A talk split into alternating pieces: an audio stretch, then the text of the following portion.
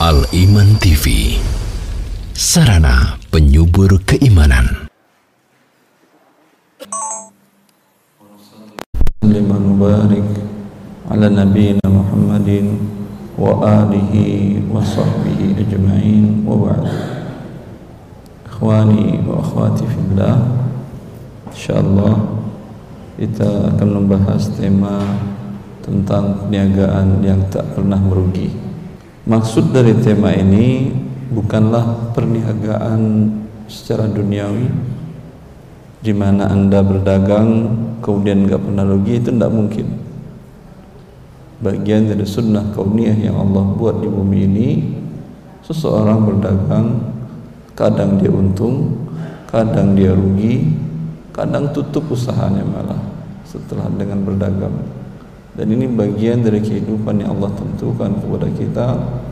Karena dunia yang kita jalani ini bukan kita yang menentukannya tetapi Allah Azza wa sampai usaha kita untuk memilih suatu jenis usaha perdagangan itu pun atas kehendak dan takdir Allah Azza wa maka tidak mungkin perniagaan tidak pernah merugi.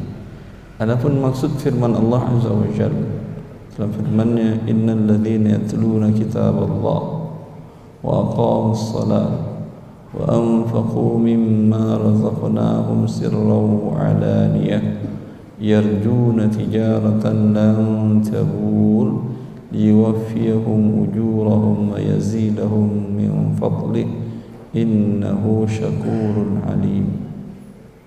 إنه شكور غفور. كتب الله عز وجل dalam surat Al-Ghafir Sesungguhnya orang-orang yang membaca kitab Allah Yang membaca Al-Quran Dan mereka mendirikan salat Lalu mereka infakkan, mereka keluarkan Sebahagian dari harta mereka Dari apa yang Allah beriskikan kepada mereka mereka infakkan, mereka keluarkan untuk keperluan bisa jadi keperluan yang wajib atau juga keperluan yang sunnah atau yang mubah. Karena kata infak dalam terminologi syariat bukan maksudnya sedekah. Sampai asal uang keluar dari dari kantong Anda, dari kepemilikan Anda itu dinamakan dengan infak. Allah mengatakan tentang orang-orang kafir juga mereka berinfak apakah mereka bersedekah kata Allah Allah Subhanahu wa taala innal ladzina kafaru yunfiquna amwalahum liyasuddu an sabilillah fasayunfiqunaha thumma takunu alaihim hasrah thumma yughlabun والذين كفروا إلى جهنم يحشرون kata Allah Azza wa Jalla dalam surat Al-Anfal bahwa sesungguhnya orang-orang kafir mereka juga menginfakkan harta mereka, mengeluarkan harta mereka untuk apa? Untuk menyesatkan manusia dari jalan Allah Azza wa dan untuk memerangi kaum muslimin. Dan ini akan menyebabkan mereka pun dikalahkan. Mereka juga berinfak Berarti kata infak bukan maknanya hanya perbuatan seorang muslim mengeluarkan hartanya untuk kebaikan orang lain bukan. Asal ke uang keluar dari Anda infak namanya. Bisa jadi infak wajib seperti nafkah, infak sama dengan kata nafkah. Infak wajib kepada anak istri Anda dan kepada diri Anda sendiri. Itu infak juga namanya. Berpahala, iya berpahala karena ini merupakan kewajiban Anda Allah uh, memerintahkan seseorang untuk memberikan infak kepada keluarganya. Ya. Kemudian kata Allah Azza wa Jal, mereka mendirikan salat dan mereka menginfakkan sebagian dari apa yang kami rizkikan kepada mereka. Ya. Sirra wa alaniyah baik secara sembunyi maupun terang-terangan dan bedanya infak seorang muslim dan solatnya seorang muslim adalah sesuatu yang ingin mereka harapkan dari itu yarjuna tijaratan dan tabur. Mereka mengharapkan dengan perbuatan mereka itu perniagaan yang tidak pernah merugi. Ya. Berarti di sini ada transaksi dagang transaksi jual beli jasa dan uang siapa penjualnya anda kita manusia. Siapa pembelinya sebaik-baik pembeli Allah Azza wa Jalla pencipta kita. Seharusnya kan tidak ada jual beli. Dia menciptakan kita dia memberikan kita harta ya. Kenapa juga harus dia beli dari kita? Begitu maha besarnya Allah dan maha rahman dan rahimnya Allah Azza wa Jalla walaupun kita hamba-hambanya tidak ada satupun yang gratis, tidak ada satupun yang hilang dari kebaikan yang kita lakukan. Itu akan dibeli dan diganti oleh Allah. Di dalam ayat yang lain Allah mengatakan Inna Allah ashtara minal mu'minina anfusahum bi anna lahumul jannah yuqatiluna fi sabilillah fayaqtuluna wa yuqtalun. Sesungguhnya Allah membeli kata Allah dengan kata membeli.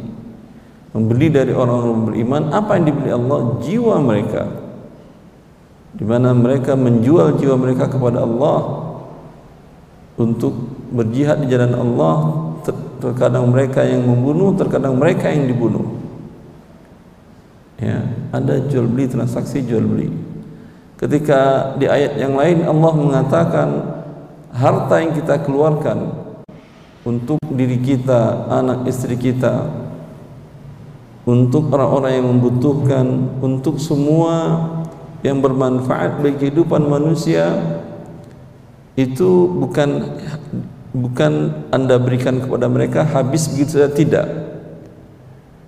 Allah mengatakan man dzalladzi yuqridullaha qardan hasanan fayudha'ifahu lahu at'afan katsira. Allah anda itu memberikan pinjaman kalau pinjaman pasti kembali atau tidak? Hah? pasti kembali. Kata Allah subhanahu wa ta'ala siapa yang meminjamkan kepada Allah pinjaman yang baik Allah pasti menggantinya dengan ganti yang jauh lebih baik daripada apa yang anda pinjamkan. Hakikatnya anda menyerahkan uang kepada seseorang yang membutuhkan tetapi uang anda tidak sia-sia pasti akan anda temukan lagi nanti di waktunya ketika saat anda membutuhkannya dan Allah ganti dengan ganti yang sangat baik sekali. Begini seorang muslim bertransaksi dengan Allah Azza wa Jalla. Dan kehidupan kaum muslimin menunjukkan seperti ini. Uthman bin Affan radhiyallahu ketika di Madinah terjadi musim kesusahan keberadaan pangan karena musim kering di Syam dan di Yaman sehingga ketersediaan makanan pokok gandum kurang. Di waktu itu Utsman telah berangkat sebelumnya ke Syam untuk membeli makanan. Di Madinah kondisinya ketersediaan makanan sangat kurang. Maka Utsman radhiyallahu anhu membawa di malam hari datang kafilah dagangnya. Datang unta-untanya membawa makanan-makanan gandum kemudian zait zaitun tin dan seluruh makanan dari Syam dia bawa. Dalam 700 lebih ekor unta yang dipenuhi dengan makanan-makanan setiap unta itu beban angkutnya bisa 200 kilo ya Kemudian di malam hari sampai kafilah dagangnya ke masuk kota Madinah. Dan di pagi harinya para pedagang lokal datang ingin memborong dari Utsman. Utsman berdagang antar kota. Di dalam kota ada lagi pedagang eceran, pedagang retailnya. Datang kepada Utsman. Wahai Utsman, kami Kau tahu kami adalah pedagang retail di Madinah. Kami akan beli, saya akan beli darimu seluruh perdagangan yang ke bawah dari Syam. Dengan keuntungan 100% saya beli. Setiap modalmu satu dinar saya bayar dua dinar. Berapa keuntungannya? 100% kata Utsman mayashtari bi akthar. Ada di antara kalian yang hadir ini para pedagang retail Madinah yang ingin beli lebih. Ada yang lain maju kemudian mengatakan saya Utsman setiap satu dinar saya beli dengan tiga dinar. Berapa keuntungan? 200 persen. Kata Utsman siapa yang ingin beli lebih lagi Mayazid siapa yang nambah. Saya Utsman setiap satu saya bayar empat tiga ratus. Ada lagi yang beli. Sampai terakhir dia mengatakan satu dinar saya beli sepuluh. Sembilan ratus persen. Masya Allah kalau modalnya seribu dinar berarti hitunglah capek kita ngitungnya kan ya. Apalagi kalau ada rupiah kan dalam kondisi sekarang maka kata Utsman nggak ada lagi yang di atas 10 mereka marah lagi para pedagang retail ini. Wahai Utsman kau tahu tidak ada pedagang retail di Madinah selain kami yang bergabung di sini? Ya. Tentu tidak ada pedagang lagi bisa berani membeli. Walaupun kondisinya sekarang ya masih bisa orang mencari keuntungan menguruk keuntungan seenaknya maka kata Utsman tidak ada yang membeli satu dinar yang saya beli dia bayar 700 semuanya dia memang ada yang sanggup beli segitu? Kata Utsman kalau kalian tidak ada beli saya jual kepada dia. Dia yang mengatakan Mathalul ladhina yunfikuna amwalahum fi sabilillah Kamathali habbatin ambatat sab'a sanabil Fi kulli sumbulatin mi'atu habba Wallahu yudha'ifu liman yasha Wallahu wasi'un alim Kata Uthman ada Orang ini mengatakan perumpamaan orang-orang yang menginfakkan hartanya di dalam Allah bagaikan perumpamaan satu biji-bijian tanaman. Dia tanam setiap biji ini menumbuhkan tujuh cabang. Setiap cabang ini di, di cabangnya ada 100 biji 700 ada kalian yang berani dari 700 mereka bilang tidak ada. Kalau tidak ada saya jual kepada Allah Azza wa Jal. Ini semuanya akan saya berikan kepada fakir miskin yang ada di Madinah silahkan diambil gratis oleh mereka.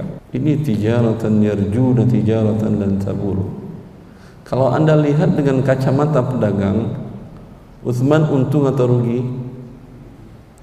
Rugi kan ya? Habis padahal kesempatannya ini dia bisa kaya raya.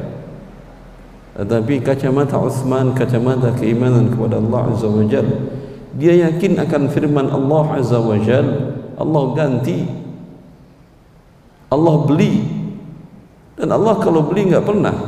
Macam-macam. Enggak pernah kayak manusia. Beli katanya harga sekian nanti ketika bayar dikurang-kurangi. Ya.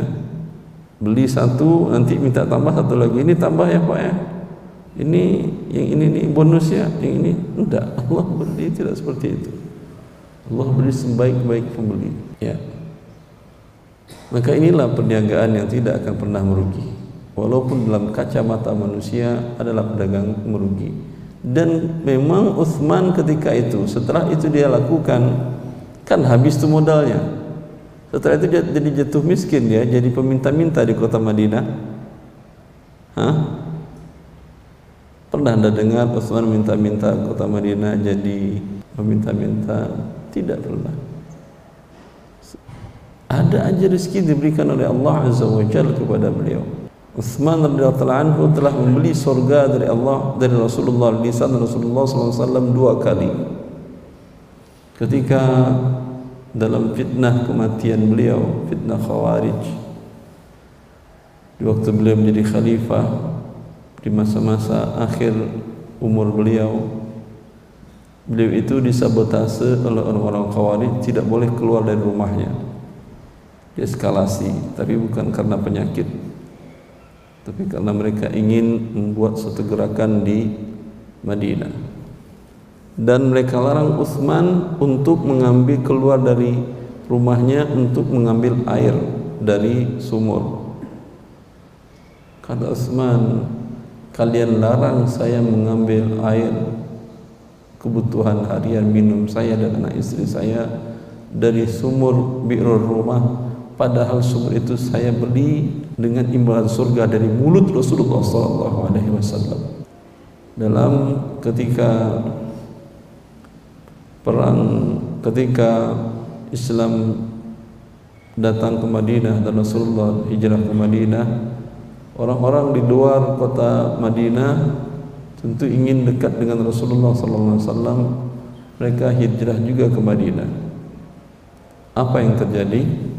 Banyak orang masuk ke dalam sebuah kota tentu kebutuhan pokok meningkat. Ya atau tidak? Dan kebutuhan hidup manusia yang paling penting adalah air.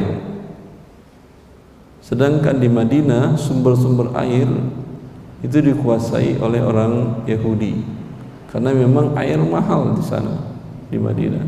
Dan untuk menggali sumur air itu bukan kayak di kita. 5 meter ketemu air di Malang berapa meter ketemu air 15 meter ketemu air. Kalau di situ untuk ketemu air bisa anda gali 200 meter. Dan di masa dahulu teknologi masa dahulu untuk menggali 200 meter agar tidak mati penggalinya berarti di permukaannya kecil atau besar. Besar bisa dua kali masjid ini luasnya agar bisa menggali ke 200 meter kedalaman. Ya. Dan biayanya pasti mahal. Menggali ke dalam 200 meter dengan luas dua kali masjid ini permukaannya. Dan airnya nanti muncul bagaikan danau sudah. Ya, itu bir di masa itu. Itu sumber-sumber air ini dikuasai oleh orang Yahudi. Maka Yahudi memanfaatkan hijrahnya kaum muslimin ke Madinah kesempatan dia untuk mencari keuntungan besar ya orang butuh air dijualnya. Per tetes air pun dihitung oleh Yahudi jualnya itu. Ah itu nanti satu itu satu dirham itu satu perak. Ya kata si Yahudi ini. Lalu Rasulullah Sallallahu Alaihi Wasallam membicarakan ini dengan para sahabatnya dan mengatakan siapa yang beli sumur rumah itu maka untuknya surga maka Umar maka Utsman datang kepada Yahudi tadi. Ya dia nengok kepada Yahudi tadi. Yahudi pintar. Dia enggak mau melepas semua sumur karena ini sumber pendapatan dia. Walaupun dengan harga yang mahal. Akhirnya dia mau melepas 50% saham dari sumur ini dengan harga 50 ribu dinar. Dapat ton emas itu hitung lama segitu harganya. Ya dibayar oleh Utsman dengan hari ini milik Yahudi hari besok milik Utsman hari ini milik Yahudi hari besok milik Utsman dan Yahudi berharap dengan ini menjadi aset bersama antara Yahudi dengan Utsman. Utsman kan pedagang yang ahli dalam berdagang, dia berharap akan naik income pemasukan penjualannya. Itu yang diinginkan oleh Yahudi tadi. Maka di hari Utsman setiap kaum muslimin yang datang digratiskan oleh Utsman. Maka di hari itu kaum muslim ngambil banyak-banyak. Di hari Yahudi masih ada yang mau beli. Orang Muslim sudah enggak ada lagi yang mau beli. Para muhajirin yang hijrah tadi sudah tidak ada yang membeli. Ya. Pusing Yahudi. Kok sekarang enggak ada yang beli air kata Padahal air kebutuhan manusia. Ya. Subhanallah. Maka kemudian Yahudi ini mencari tahu apa penyebabnya orang enggak beli air. Dilihatnya dilihatnya melalui mata-mata dia. Ternyata di hari Utsman gratis. Ya. Lalu dia bilang kepada Utsman ya udahlah kau belilah saham saya yang 50% lagi 50 ribu dinar lagi. Dibayar oleh Utsman. Ya. Kemudian biru rumah ini diwakafkan oleh Utsman. Dan kata Rasulullah SAW Allah Rasulullah sudah menjamin untuk dia surga. Kemudian biru rumah ini panjang sejarahnya. Sampai sekarang airnya masih masih mengeluarkan air. Di masa pemerintahan khilafah Utsmaniyah setelah khilafah Abbasiyah itu mereka manfaatkan tanah-tanah di sekitar sumur itu ditanamin kurma dengan disiram dari air sumur tadi ya dan itu dikembangkan dan di masa kerajaan Saudi Arabia sekarang juga dikembangkan kebun kurma Utsman tersebut. Tahu anda berapa penghasilan kurma ini per tahun? Sampai 500 ribu real. Sekitar satu berapa berarti itu? 2 miliar per tahun. Dan itu diwakafkan kepada kaum muslimin. Sebahagiannya dibangunkan gedung-gedung atas nama Utsman. Orang yang sudah wafat sampai sekarang Anda kalau lihat di, di dekat Masjid Nabawi di pintu masuk laki-laki sebelah kanan ada Hotel Ramada tertulis di situ wakaf Sayyidina Utsman bin Affan. Ini wakaf Sayyidina Utsman. Itu dibeli tanahnya dan dibangun gedungnya dari hasil sumur sumber tadi yang, yang sudah menjadi kebun korma. Orang yang sudah wafat 1400 tahun yang lalu tapi wakafnya masih mengalir sampai sekarang. Inilah perniagaan yang tidak pernah merugi. Berani? ya. Semoga antum berani dan semoga kita dimudahkan oleh Allah Azza wa dan diberikan taufik oleh Allah Azza wa Karena kalau bukan keimanan kepada Allah, tidak ada orang yang berani melakukan hal seperti ini.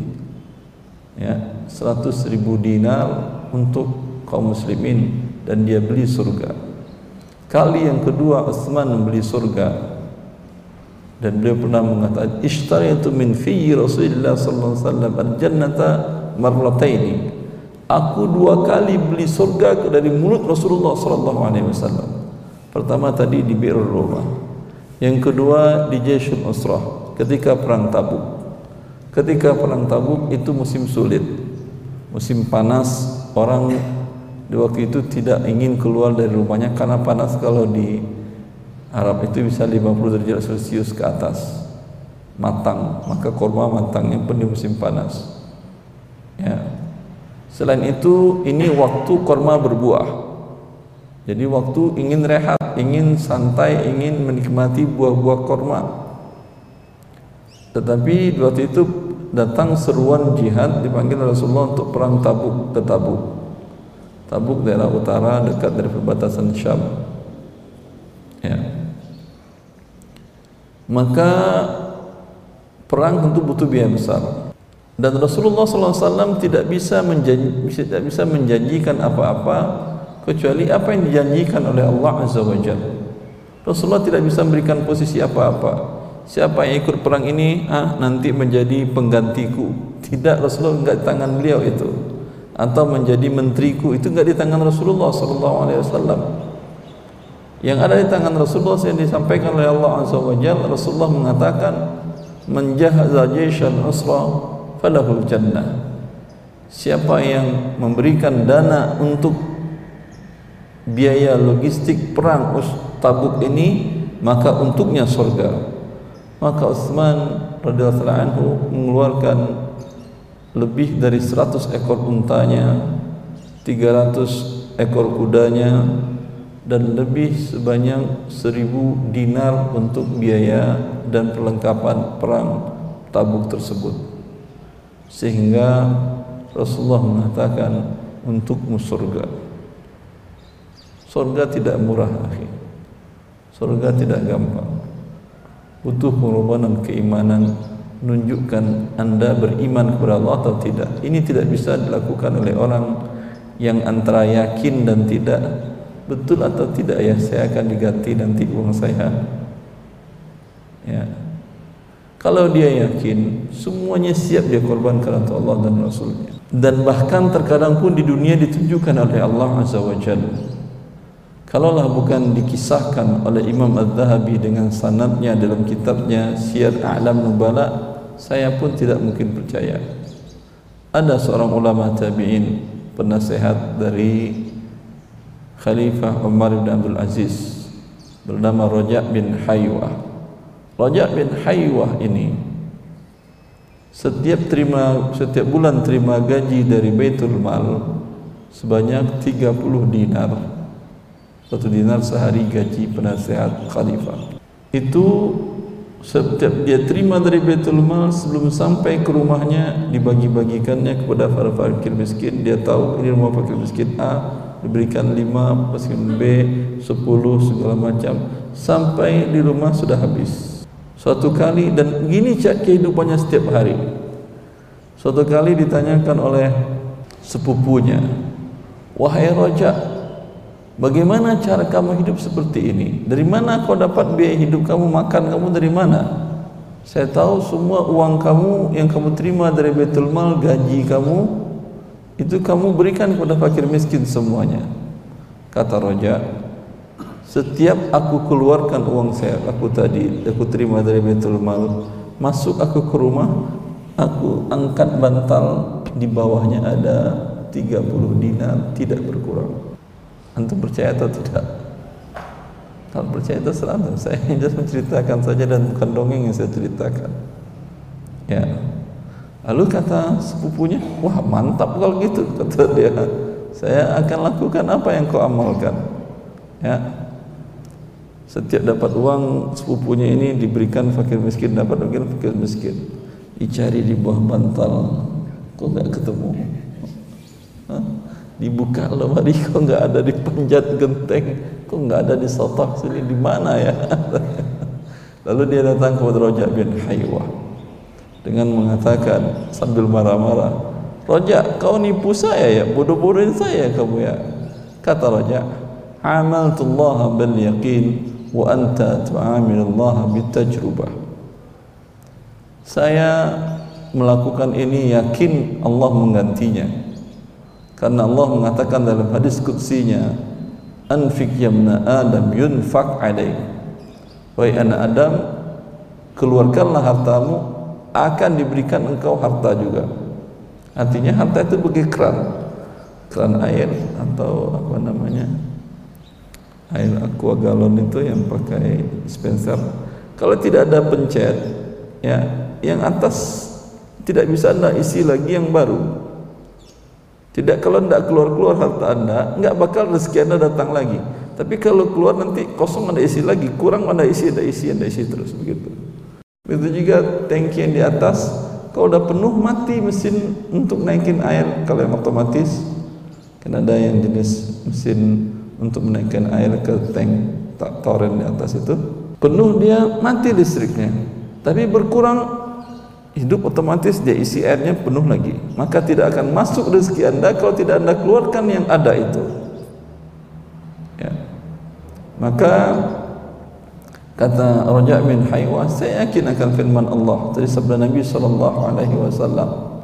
Ya kata Allah azza wajalla mengatakan وما أنفقتم من شيء فهو يخلفه sesuatu yang kalian infakkan pasti diganti oleh Allah Azza wa Jalla cuman ketika kita mendengar ayat ini iya apa tidak iya apa tidak sama kita dengan sepupu rojat tadi antaranya kalau kau kan coba-coba Allah kau uji-uji iya apa tidak diganti oleh Allah ya saya cobalah kalau iya nanti saya lakukan juga berarti anda tidak ada iman kepada Allah. Maka inilah perniagaan yang akan menguntungkan kita di dunia dan di akhirat yaitu kita berbuat segala sesuatunya dengan kepenuh keimanan kepada Allah Azza wa ya jangan kita menjadi sepupu rojak tadi tidak percaya tapi berani juga mengamalkannya sehingga rugi dunia akhirat. Ya di akhirat pasti nggak diganti oleh Allah karena tujuan dia berinfak bukan imannya kepada Allah. Tujuannya berinfak bukan atas perintah Allah tetapi atas ingin dapat ganti. Ya. apalagi ganti yang dapat ingin lebih besar seperti teori-teori sedekah. Sedekahkan sekian dapat sekian. Sedekahkan sekian dapat sekian. Ini enggak ada imannya dengan Allah ini. Ini yang diinginkannya uang ketika inginnya adalah sesuatu di sisi Allah ganti dari Allah Azza wa Jal. Yakin dengan itu Allah tidak pernah merugikan dan mengecewakan hamba-hambanya. Semoga bermanfaat. Wallahu li taufiq. Wa sallallahu ala nabiyyina Muhammad wa alihi wa sahbihi wasallam ada yang bertanya atau cukup? Cukup. Ya silahkan bapak. Sebentar bapak dulu bersentuh Assalamualaikum warahmatullahi wabarakatuh. Assalamualaikum warahmatullahi wabarakatuh Ustaz ini kan sangat sangat sangat menggugah kita semua, terutama diri saya. Um, cara menghilangkan, cara menghilangkan ini, ini kan Ustaz mengatakan jangan sampai seperti saudara dia yang mengharapkan ganti di dunia bukan mengharap apa bukan Sesuatu di sisi-. Ya. Ini sebetulnya masih ada rasa itu itu artinya menghilangkan itu gimana sesuatu gitu ya? Karena Kita, saya ulang pagi ini kan apa ya benar-benar merasuk gitu ya. Artinya ternyata selama ini mungkin saya pribadi keliru gitu ya. Karena banyaknya teori-teori mengatakan kalau empat sekian dapat sekian empat sekian sekian gitu tadi apalagi katakan ada tujuh ratus. Itu kan mendengar itu kan oh iya gitu ya tapi begitu praktek. Ini kadang-kadang kan sebenarnya kita mengatakan iya apa enggak gitu saya belum pernah mendengarkan dari seorang dari atau ustaz atau kiai gitu yang bagaimana cara menghilangkan gitu ya, menghilangkan atau mengeliminir gitu ya. Ya, baik. Sesuatu yang dijanjikan oleh Allah dan Rasulnya itu kebenaran. Itu sebuah hak pasti benar. Rasulullah seperti Rasulullah menjanjikan bahwasanya mana sadaqatun min mal. Sedekah tidak akan mengurangi harta tetapi akan menambah harta. Kita lakukan itu tujuan kita bukan agar harta bertambah tapi tujuan kita adalah apa yang di sisi Allah apa yang disediakan oleh Allah Azza wa terkadang Allah tambahkan di dunia terkadang tidak. Karena kalau semuanya Allah tunjukkan di dunia tidak perlu anda beriman lagi. Pasti nggak ada orang kafir. Kalau semuanya Allah tunjukkan di dunia tidak ada orang kafir. Ya orang yang berzina langsung mukanya becak-becak hitam meledak. Ada orang berani kemudian berzina? Orang yang mencuri tanpa dipukul orang lain atau dia jatuh mati menemukannya hancur kayak berkeping-keping. Ada yang berani mencuri.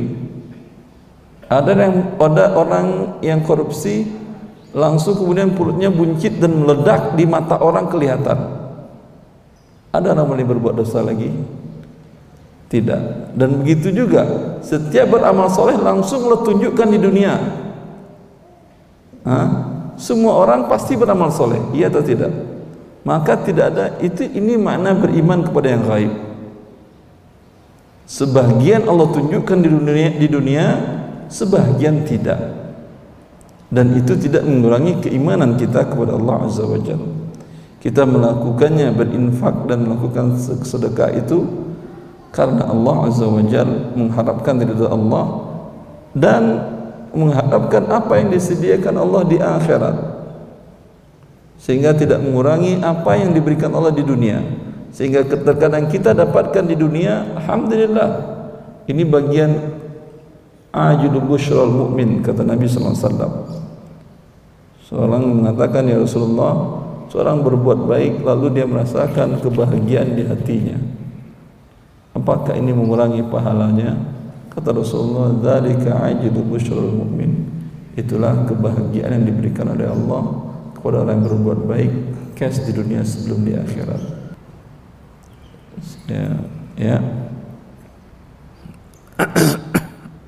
Terkadang Allah tunjukkan di dunia terkadang tidak dan tidak menghentikannya untuk berbuat baik tadi. Karena yang diharapkannya adalah apa yang di sisi Allah.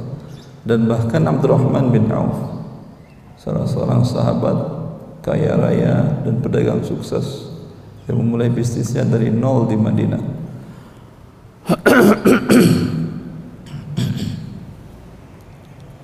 Ketika setelah Rasulullah SAW wafat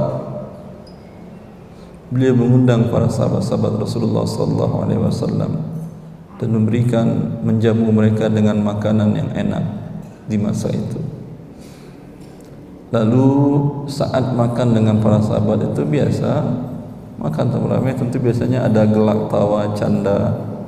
Tapi Abdurrahman kelihatan sedih dan menangis sehingga orang yang diundang merasa enggak nyaman. Ini ngundang kok dia enggak senang gitu. Ya apakah takut habis makanannya? Kita makan banyak. Lalu kata Abdurrahman bin Auf ketika ditanyakan apa yang menyebabkan engkau bersedih kata Abdurrahman bin Auf ya adalah um Mus'ab bin Umair lebih baik daripada saya. Padahal tidak. Abdurrahman bin Auf lebih baik daripada Mus'ab bin Umair. Karena Abdurrahman bin Auf dijamin Rasulullah masuk surga. Mus'ab bin Umair tidak. Walaupun Mus'ab bin Umair adalah orang yang menyebarkan membuat duta Rasulullah pertama untuk berdakwah Islam di Madinah di kota Yathrib Mus'ab bin Umair ma'ruf kisahnya. Beliau pemuda ganteng dan memiliki ibu yang kaya raya dan suka menghiasi anak ini dengan kemewahan dunia. Bajunya mahal peralatan perlengkapan aksesorisnya mahal. Tetapi kemudian dengan Islamnya ibunya mencabut seluruh kemewahan ini dan dia tidak menghentikan keimanannya kepada Allah dan Rasulnya sampai ketika beliau wafat di perang Uhud kain yang ada tidak cukup untuk mengafaninya Dulu dia orang kaya raya, sekarang tidak cukup mengkafani. Kalau ditutup mukanya, kakinya terbuka. Kalau ditutup kakinya, mukanya terbuka. Maka Rasulullah SAW tutup wajahnya dan tutup kakinya dengan izhir, dengan rumputan yang ada di kota Madinah. Dan beliau dikuburkan di, di kuburan syuhada Uhud. Ya. Maka Abdurrahman bin Auf adalah Utsman bin Umair lebih baik daripada saya dan beliau wafat sebelum merasakan nikmatnya dunia karena di awal-awal keislaman tentu perjuangan berat beliau wafat di perang Uhud belum merasakan Islam maju dan kaya dan memiliki kemewahan hidup di masa itu dia belum merasakan dunia saya khawatir kata Utsman, apa yang Allah berikan kepada kita dalam bentuk harta ini adalah mengurangi hak kita nanti di akhirat. Kalau Allah memberikan kepada anda umpamanya seratus ribu triliun emas yang Allah sediakan untuk seseorang yang beramal seperti ini, seperti ini untuk X kepada anda umpamanya Allah katakan untukmu 100 ribu triliun di surga. Bila Allah berikan sebagian kebaikan itu di dunia, kata Abdurrahman bin Auf cara berpikir Abdurrahman, umpamanya tadi Abdurrahman bin Auf beliau memiliki ketika wafat lebih dari sekitar 200 ton emas yang beliau infak. Sekitar senilai 200 ton emas yang beliau infakkan sabilillah. Ya. itu akan mengurangi dan sekarang dia mati kehidupan dunia yang mewah. Kehidupan yang mewah tadi umpamanya makan yang enak dan segala macam punya kebun korma segala macam. Ini yang 100 ribu triliun akan berkurang mungkin berkurang 2 triliun karena sudah dimanfaatkan di dunia. Begitu cara mereka memandang hidup di dunia ini. Ya, berarti yang diinginkan adalah sesuatu yang ada di sisi Allah Azza wa Jalla tidak salah anda mengharapkan janji Allah dan Rasulnya. Tetapi bukan hanya janji Allah dan Rasulnya yang menambah harta di dunia saja. Apa yang Allah sediakan untuk anda wal akhiratu khairum wa abqa kata Allah. Yang Allah sediakan di akhirat jauh lebih baik dan jauh lebih kekal. Allah sediakan untuk hamba-hambanya di surga sesuatu yang tidak pernah kelihatan oleh mata dan tidak kedengaran oleh telinga terbayang oleh hati pun tidak pernah. Kalau anda bayangkan nikmat hidup yang paling enak itu kayak begini Masya Allah. Ha? di surga jauh seperti itu. Tidak mampu anda bayangkan. Semoga bermanfaat. Subhanakallah bihamdika asyhadu an la ilaha illa anta astaghfiruka wa atubu ilaik Assalamualaikum warahmatullahi wabarakatuh. Al Iman TV Sarana penyubur keimanan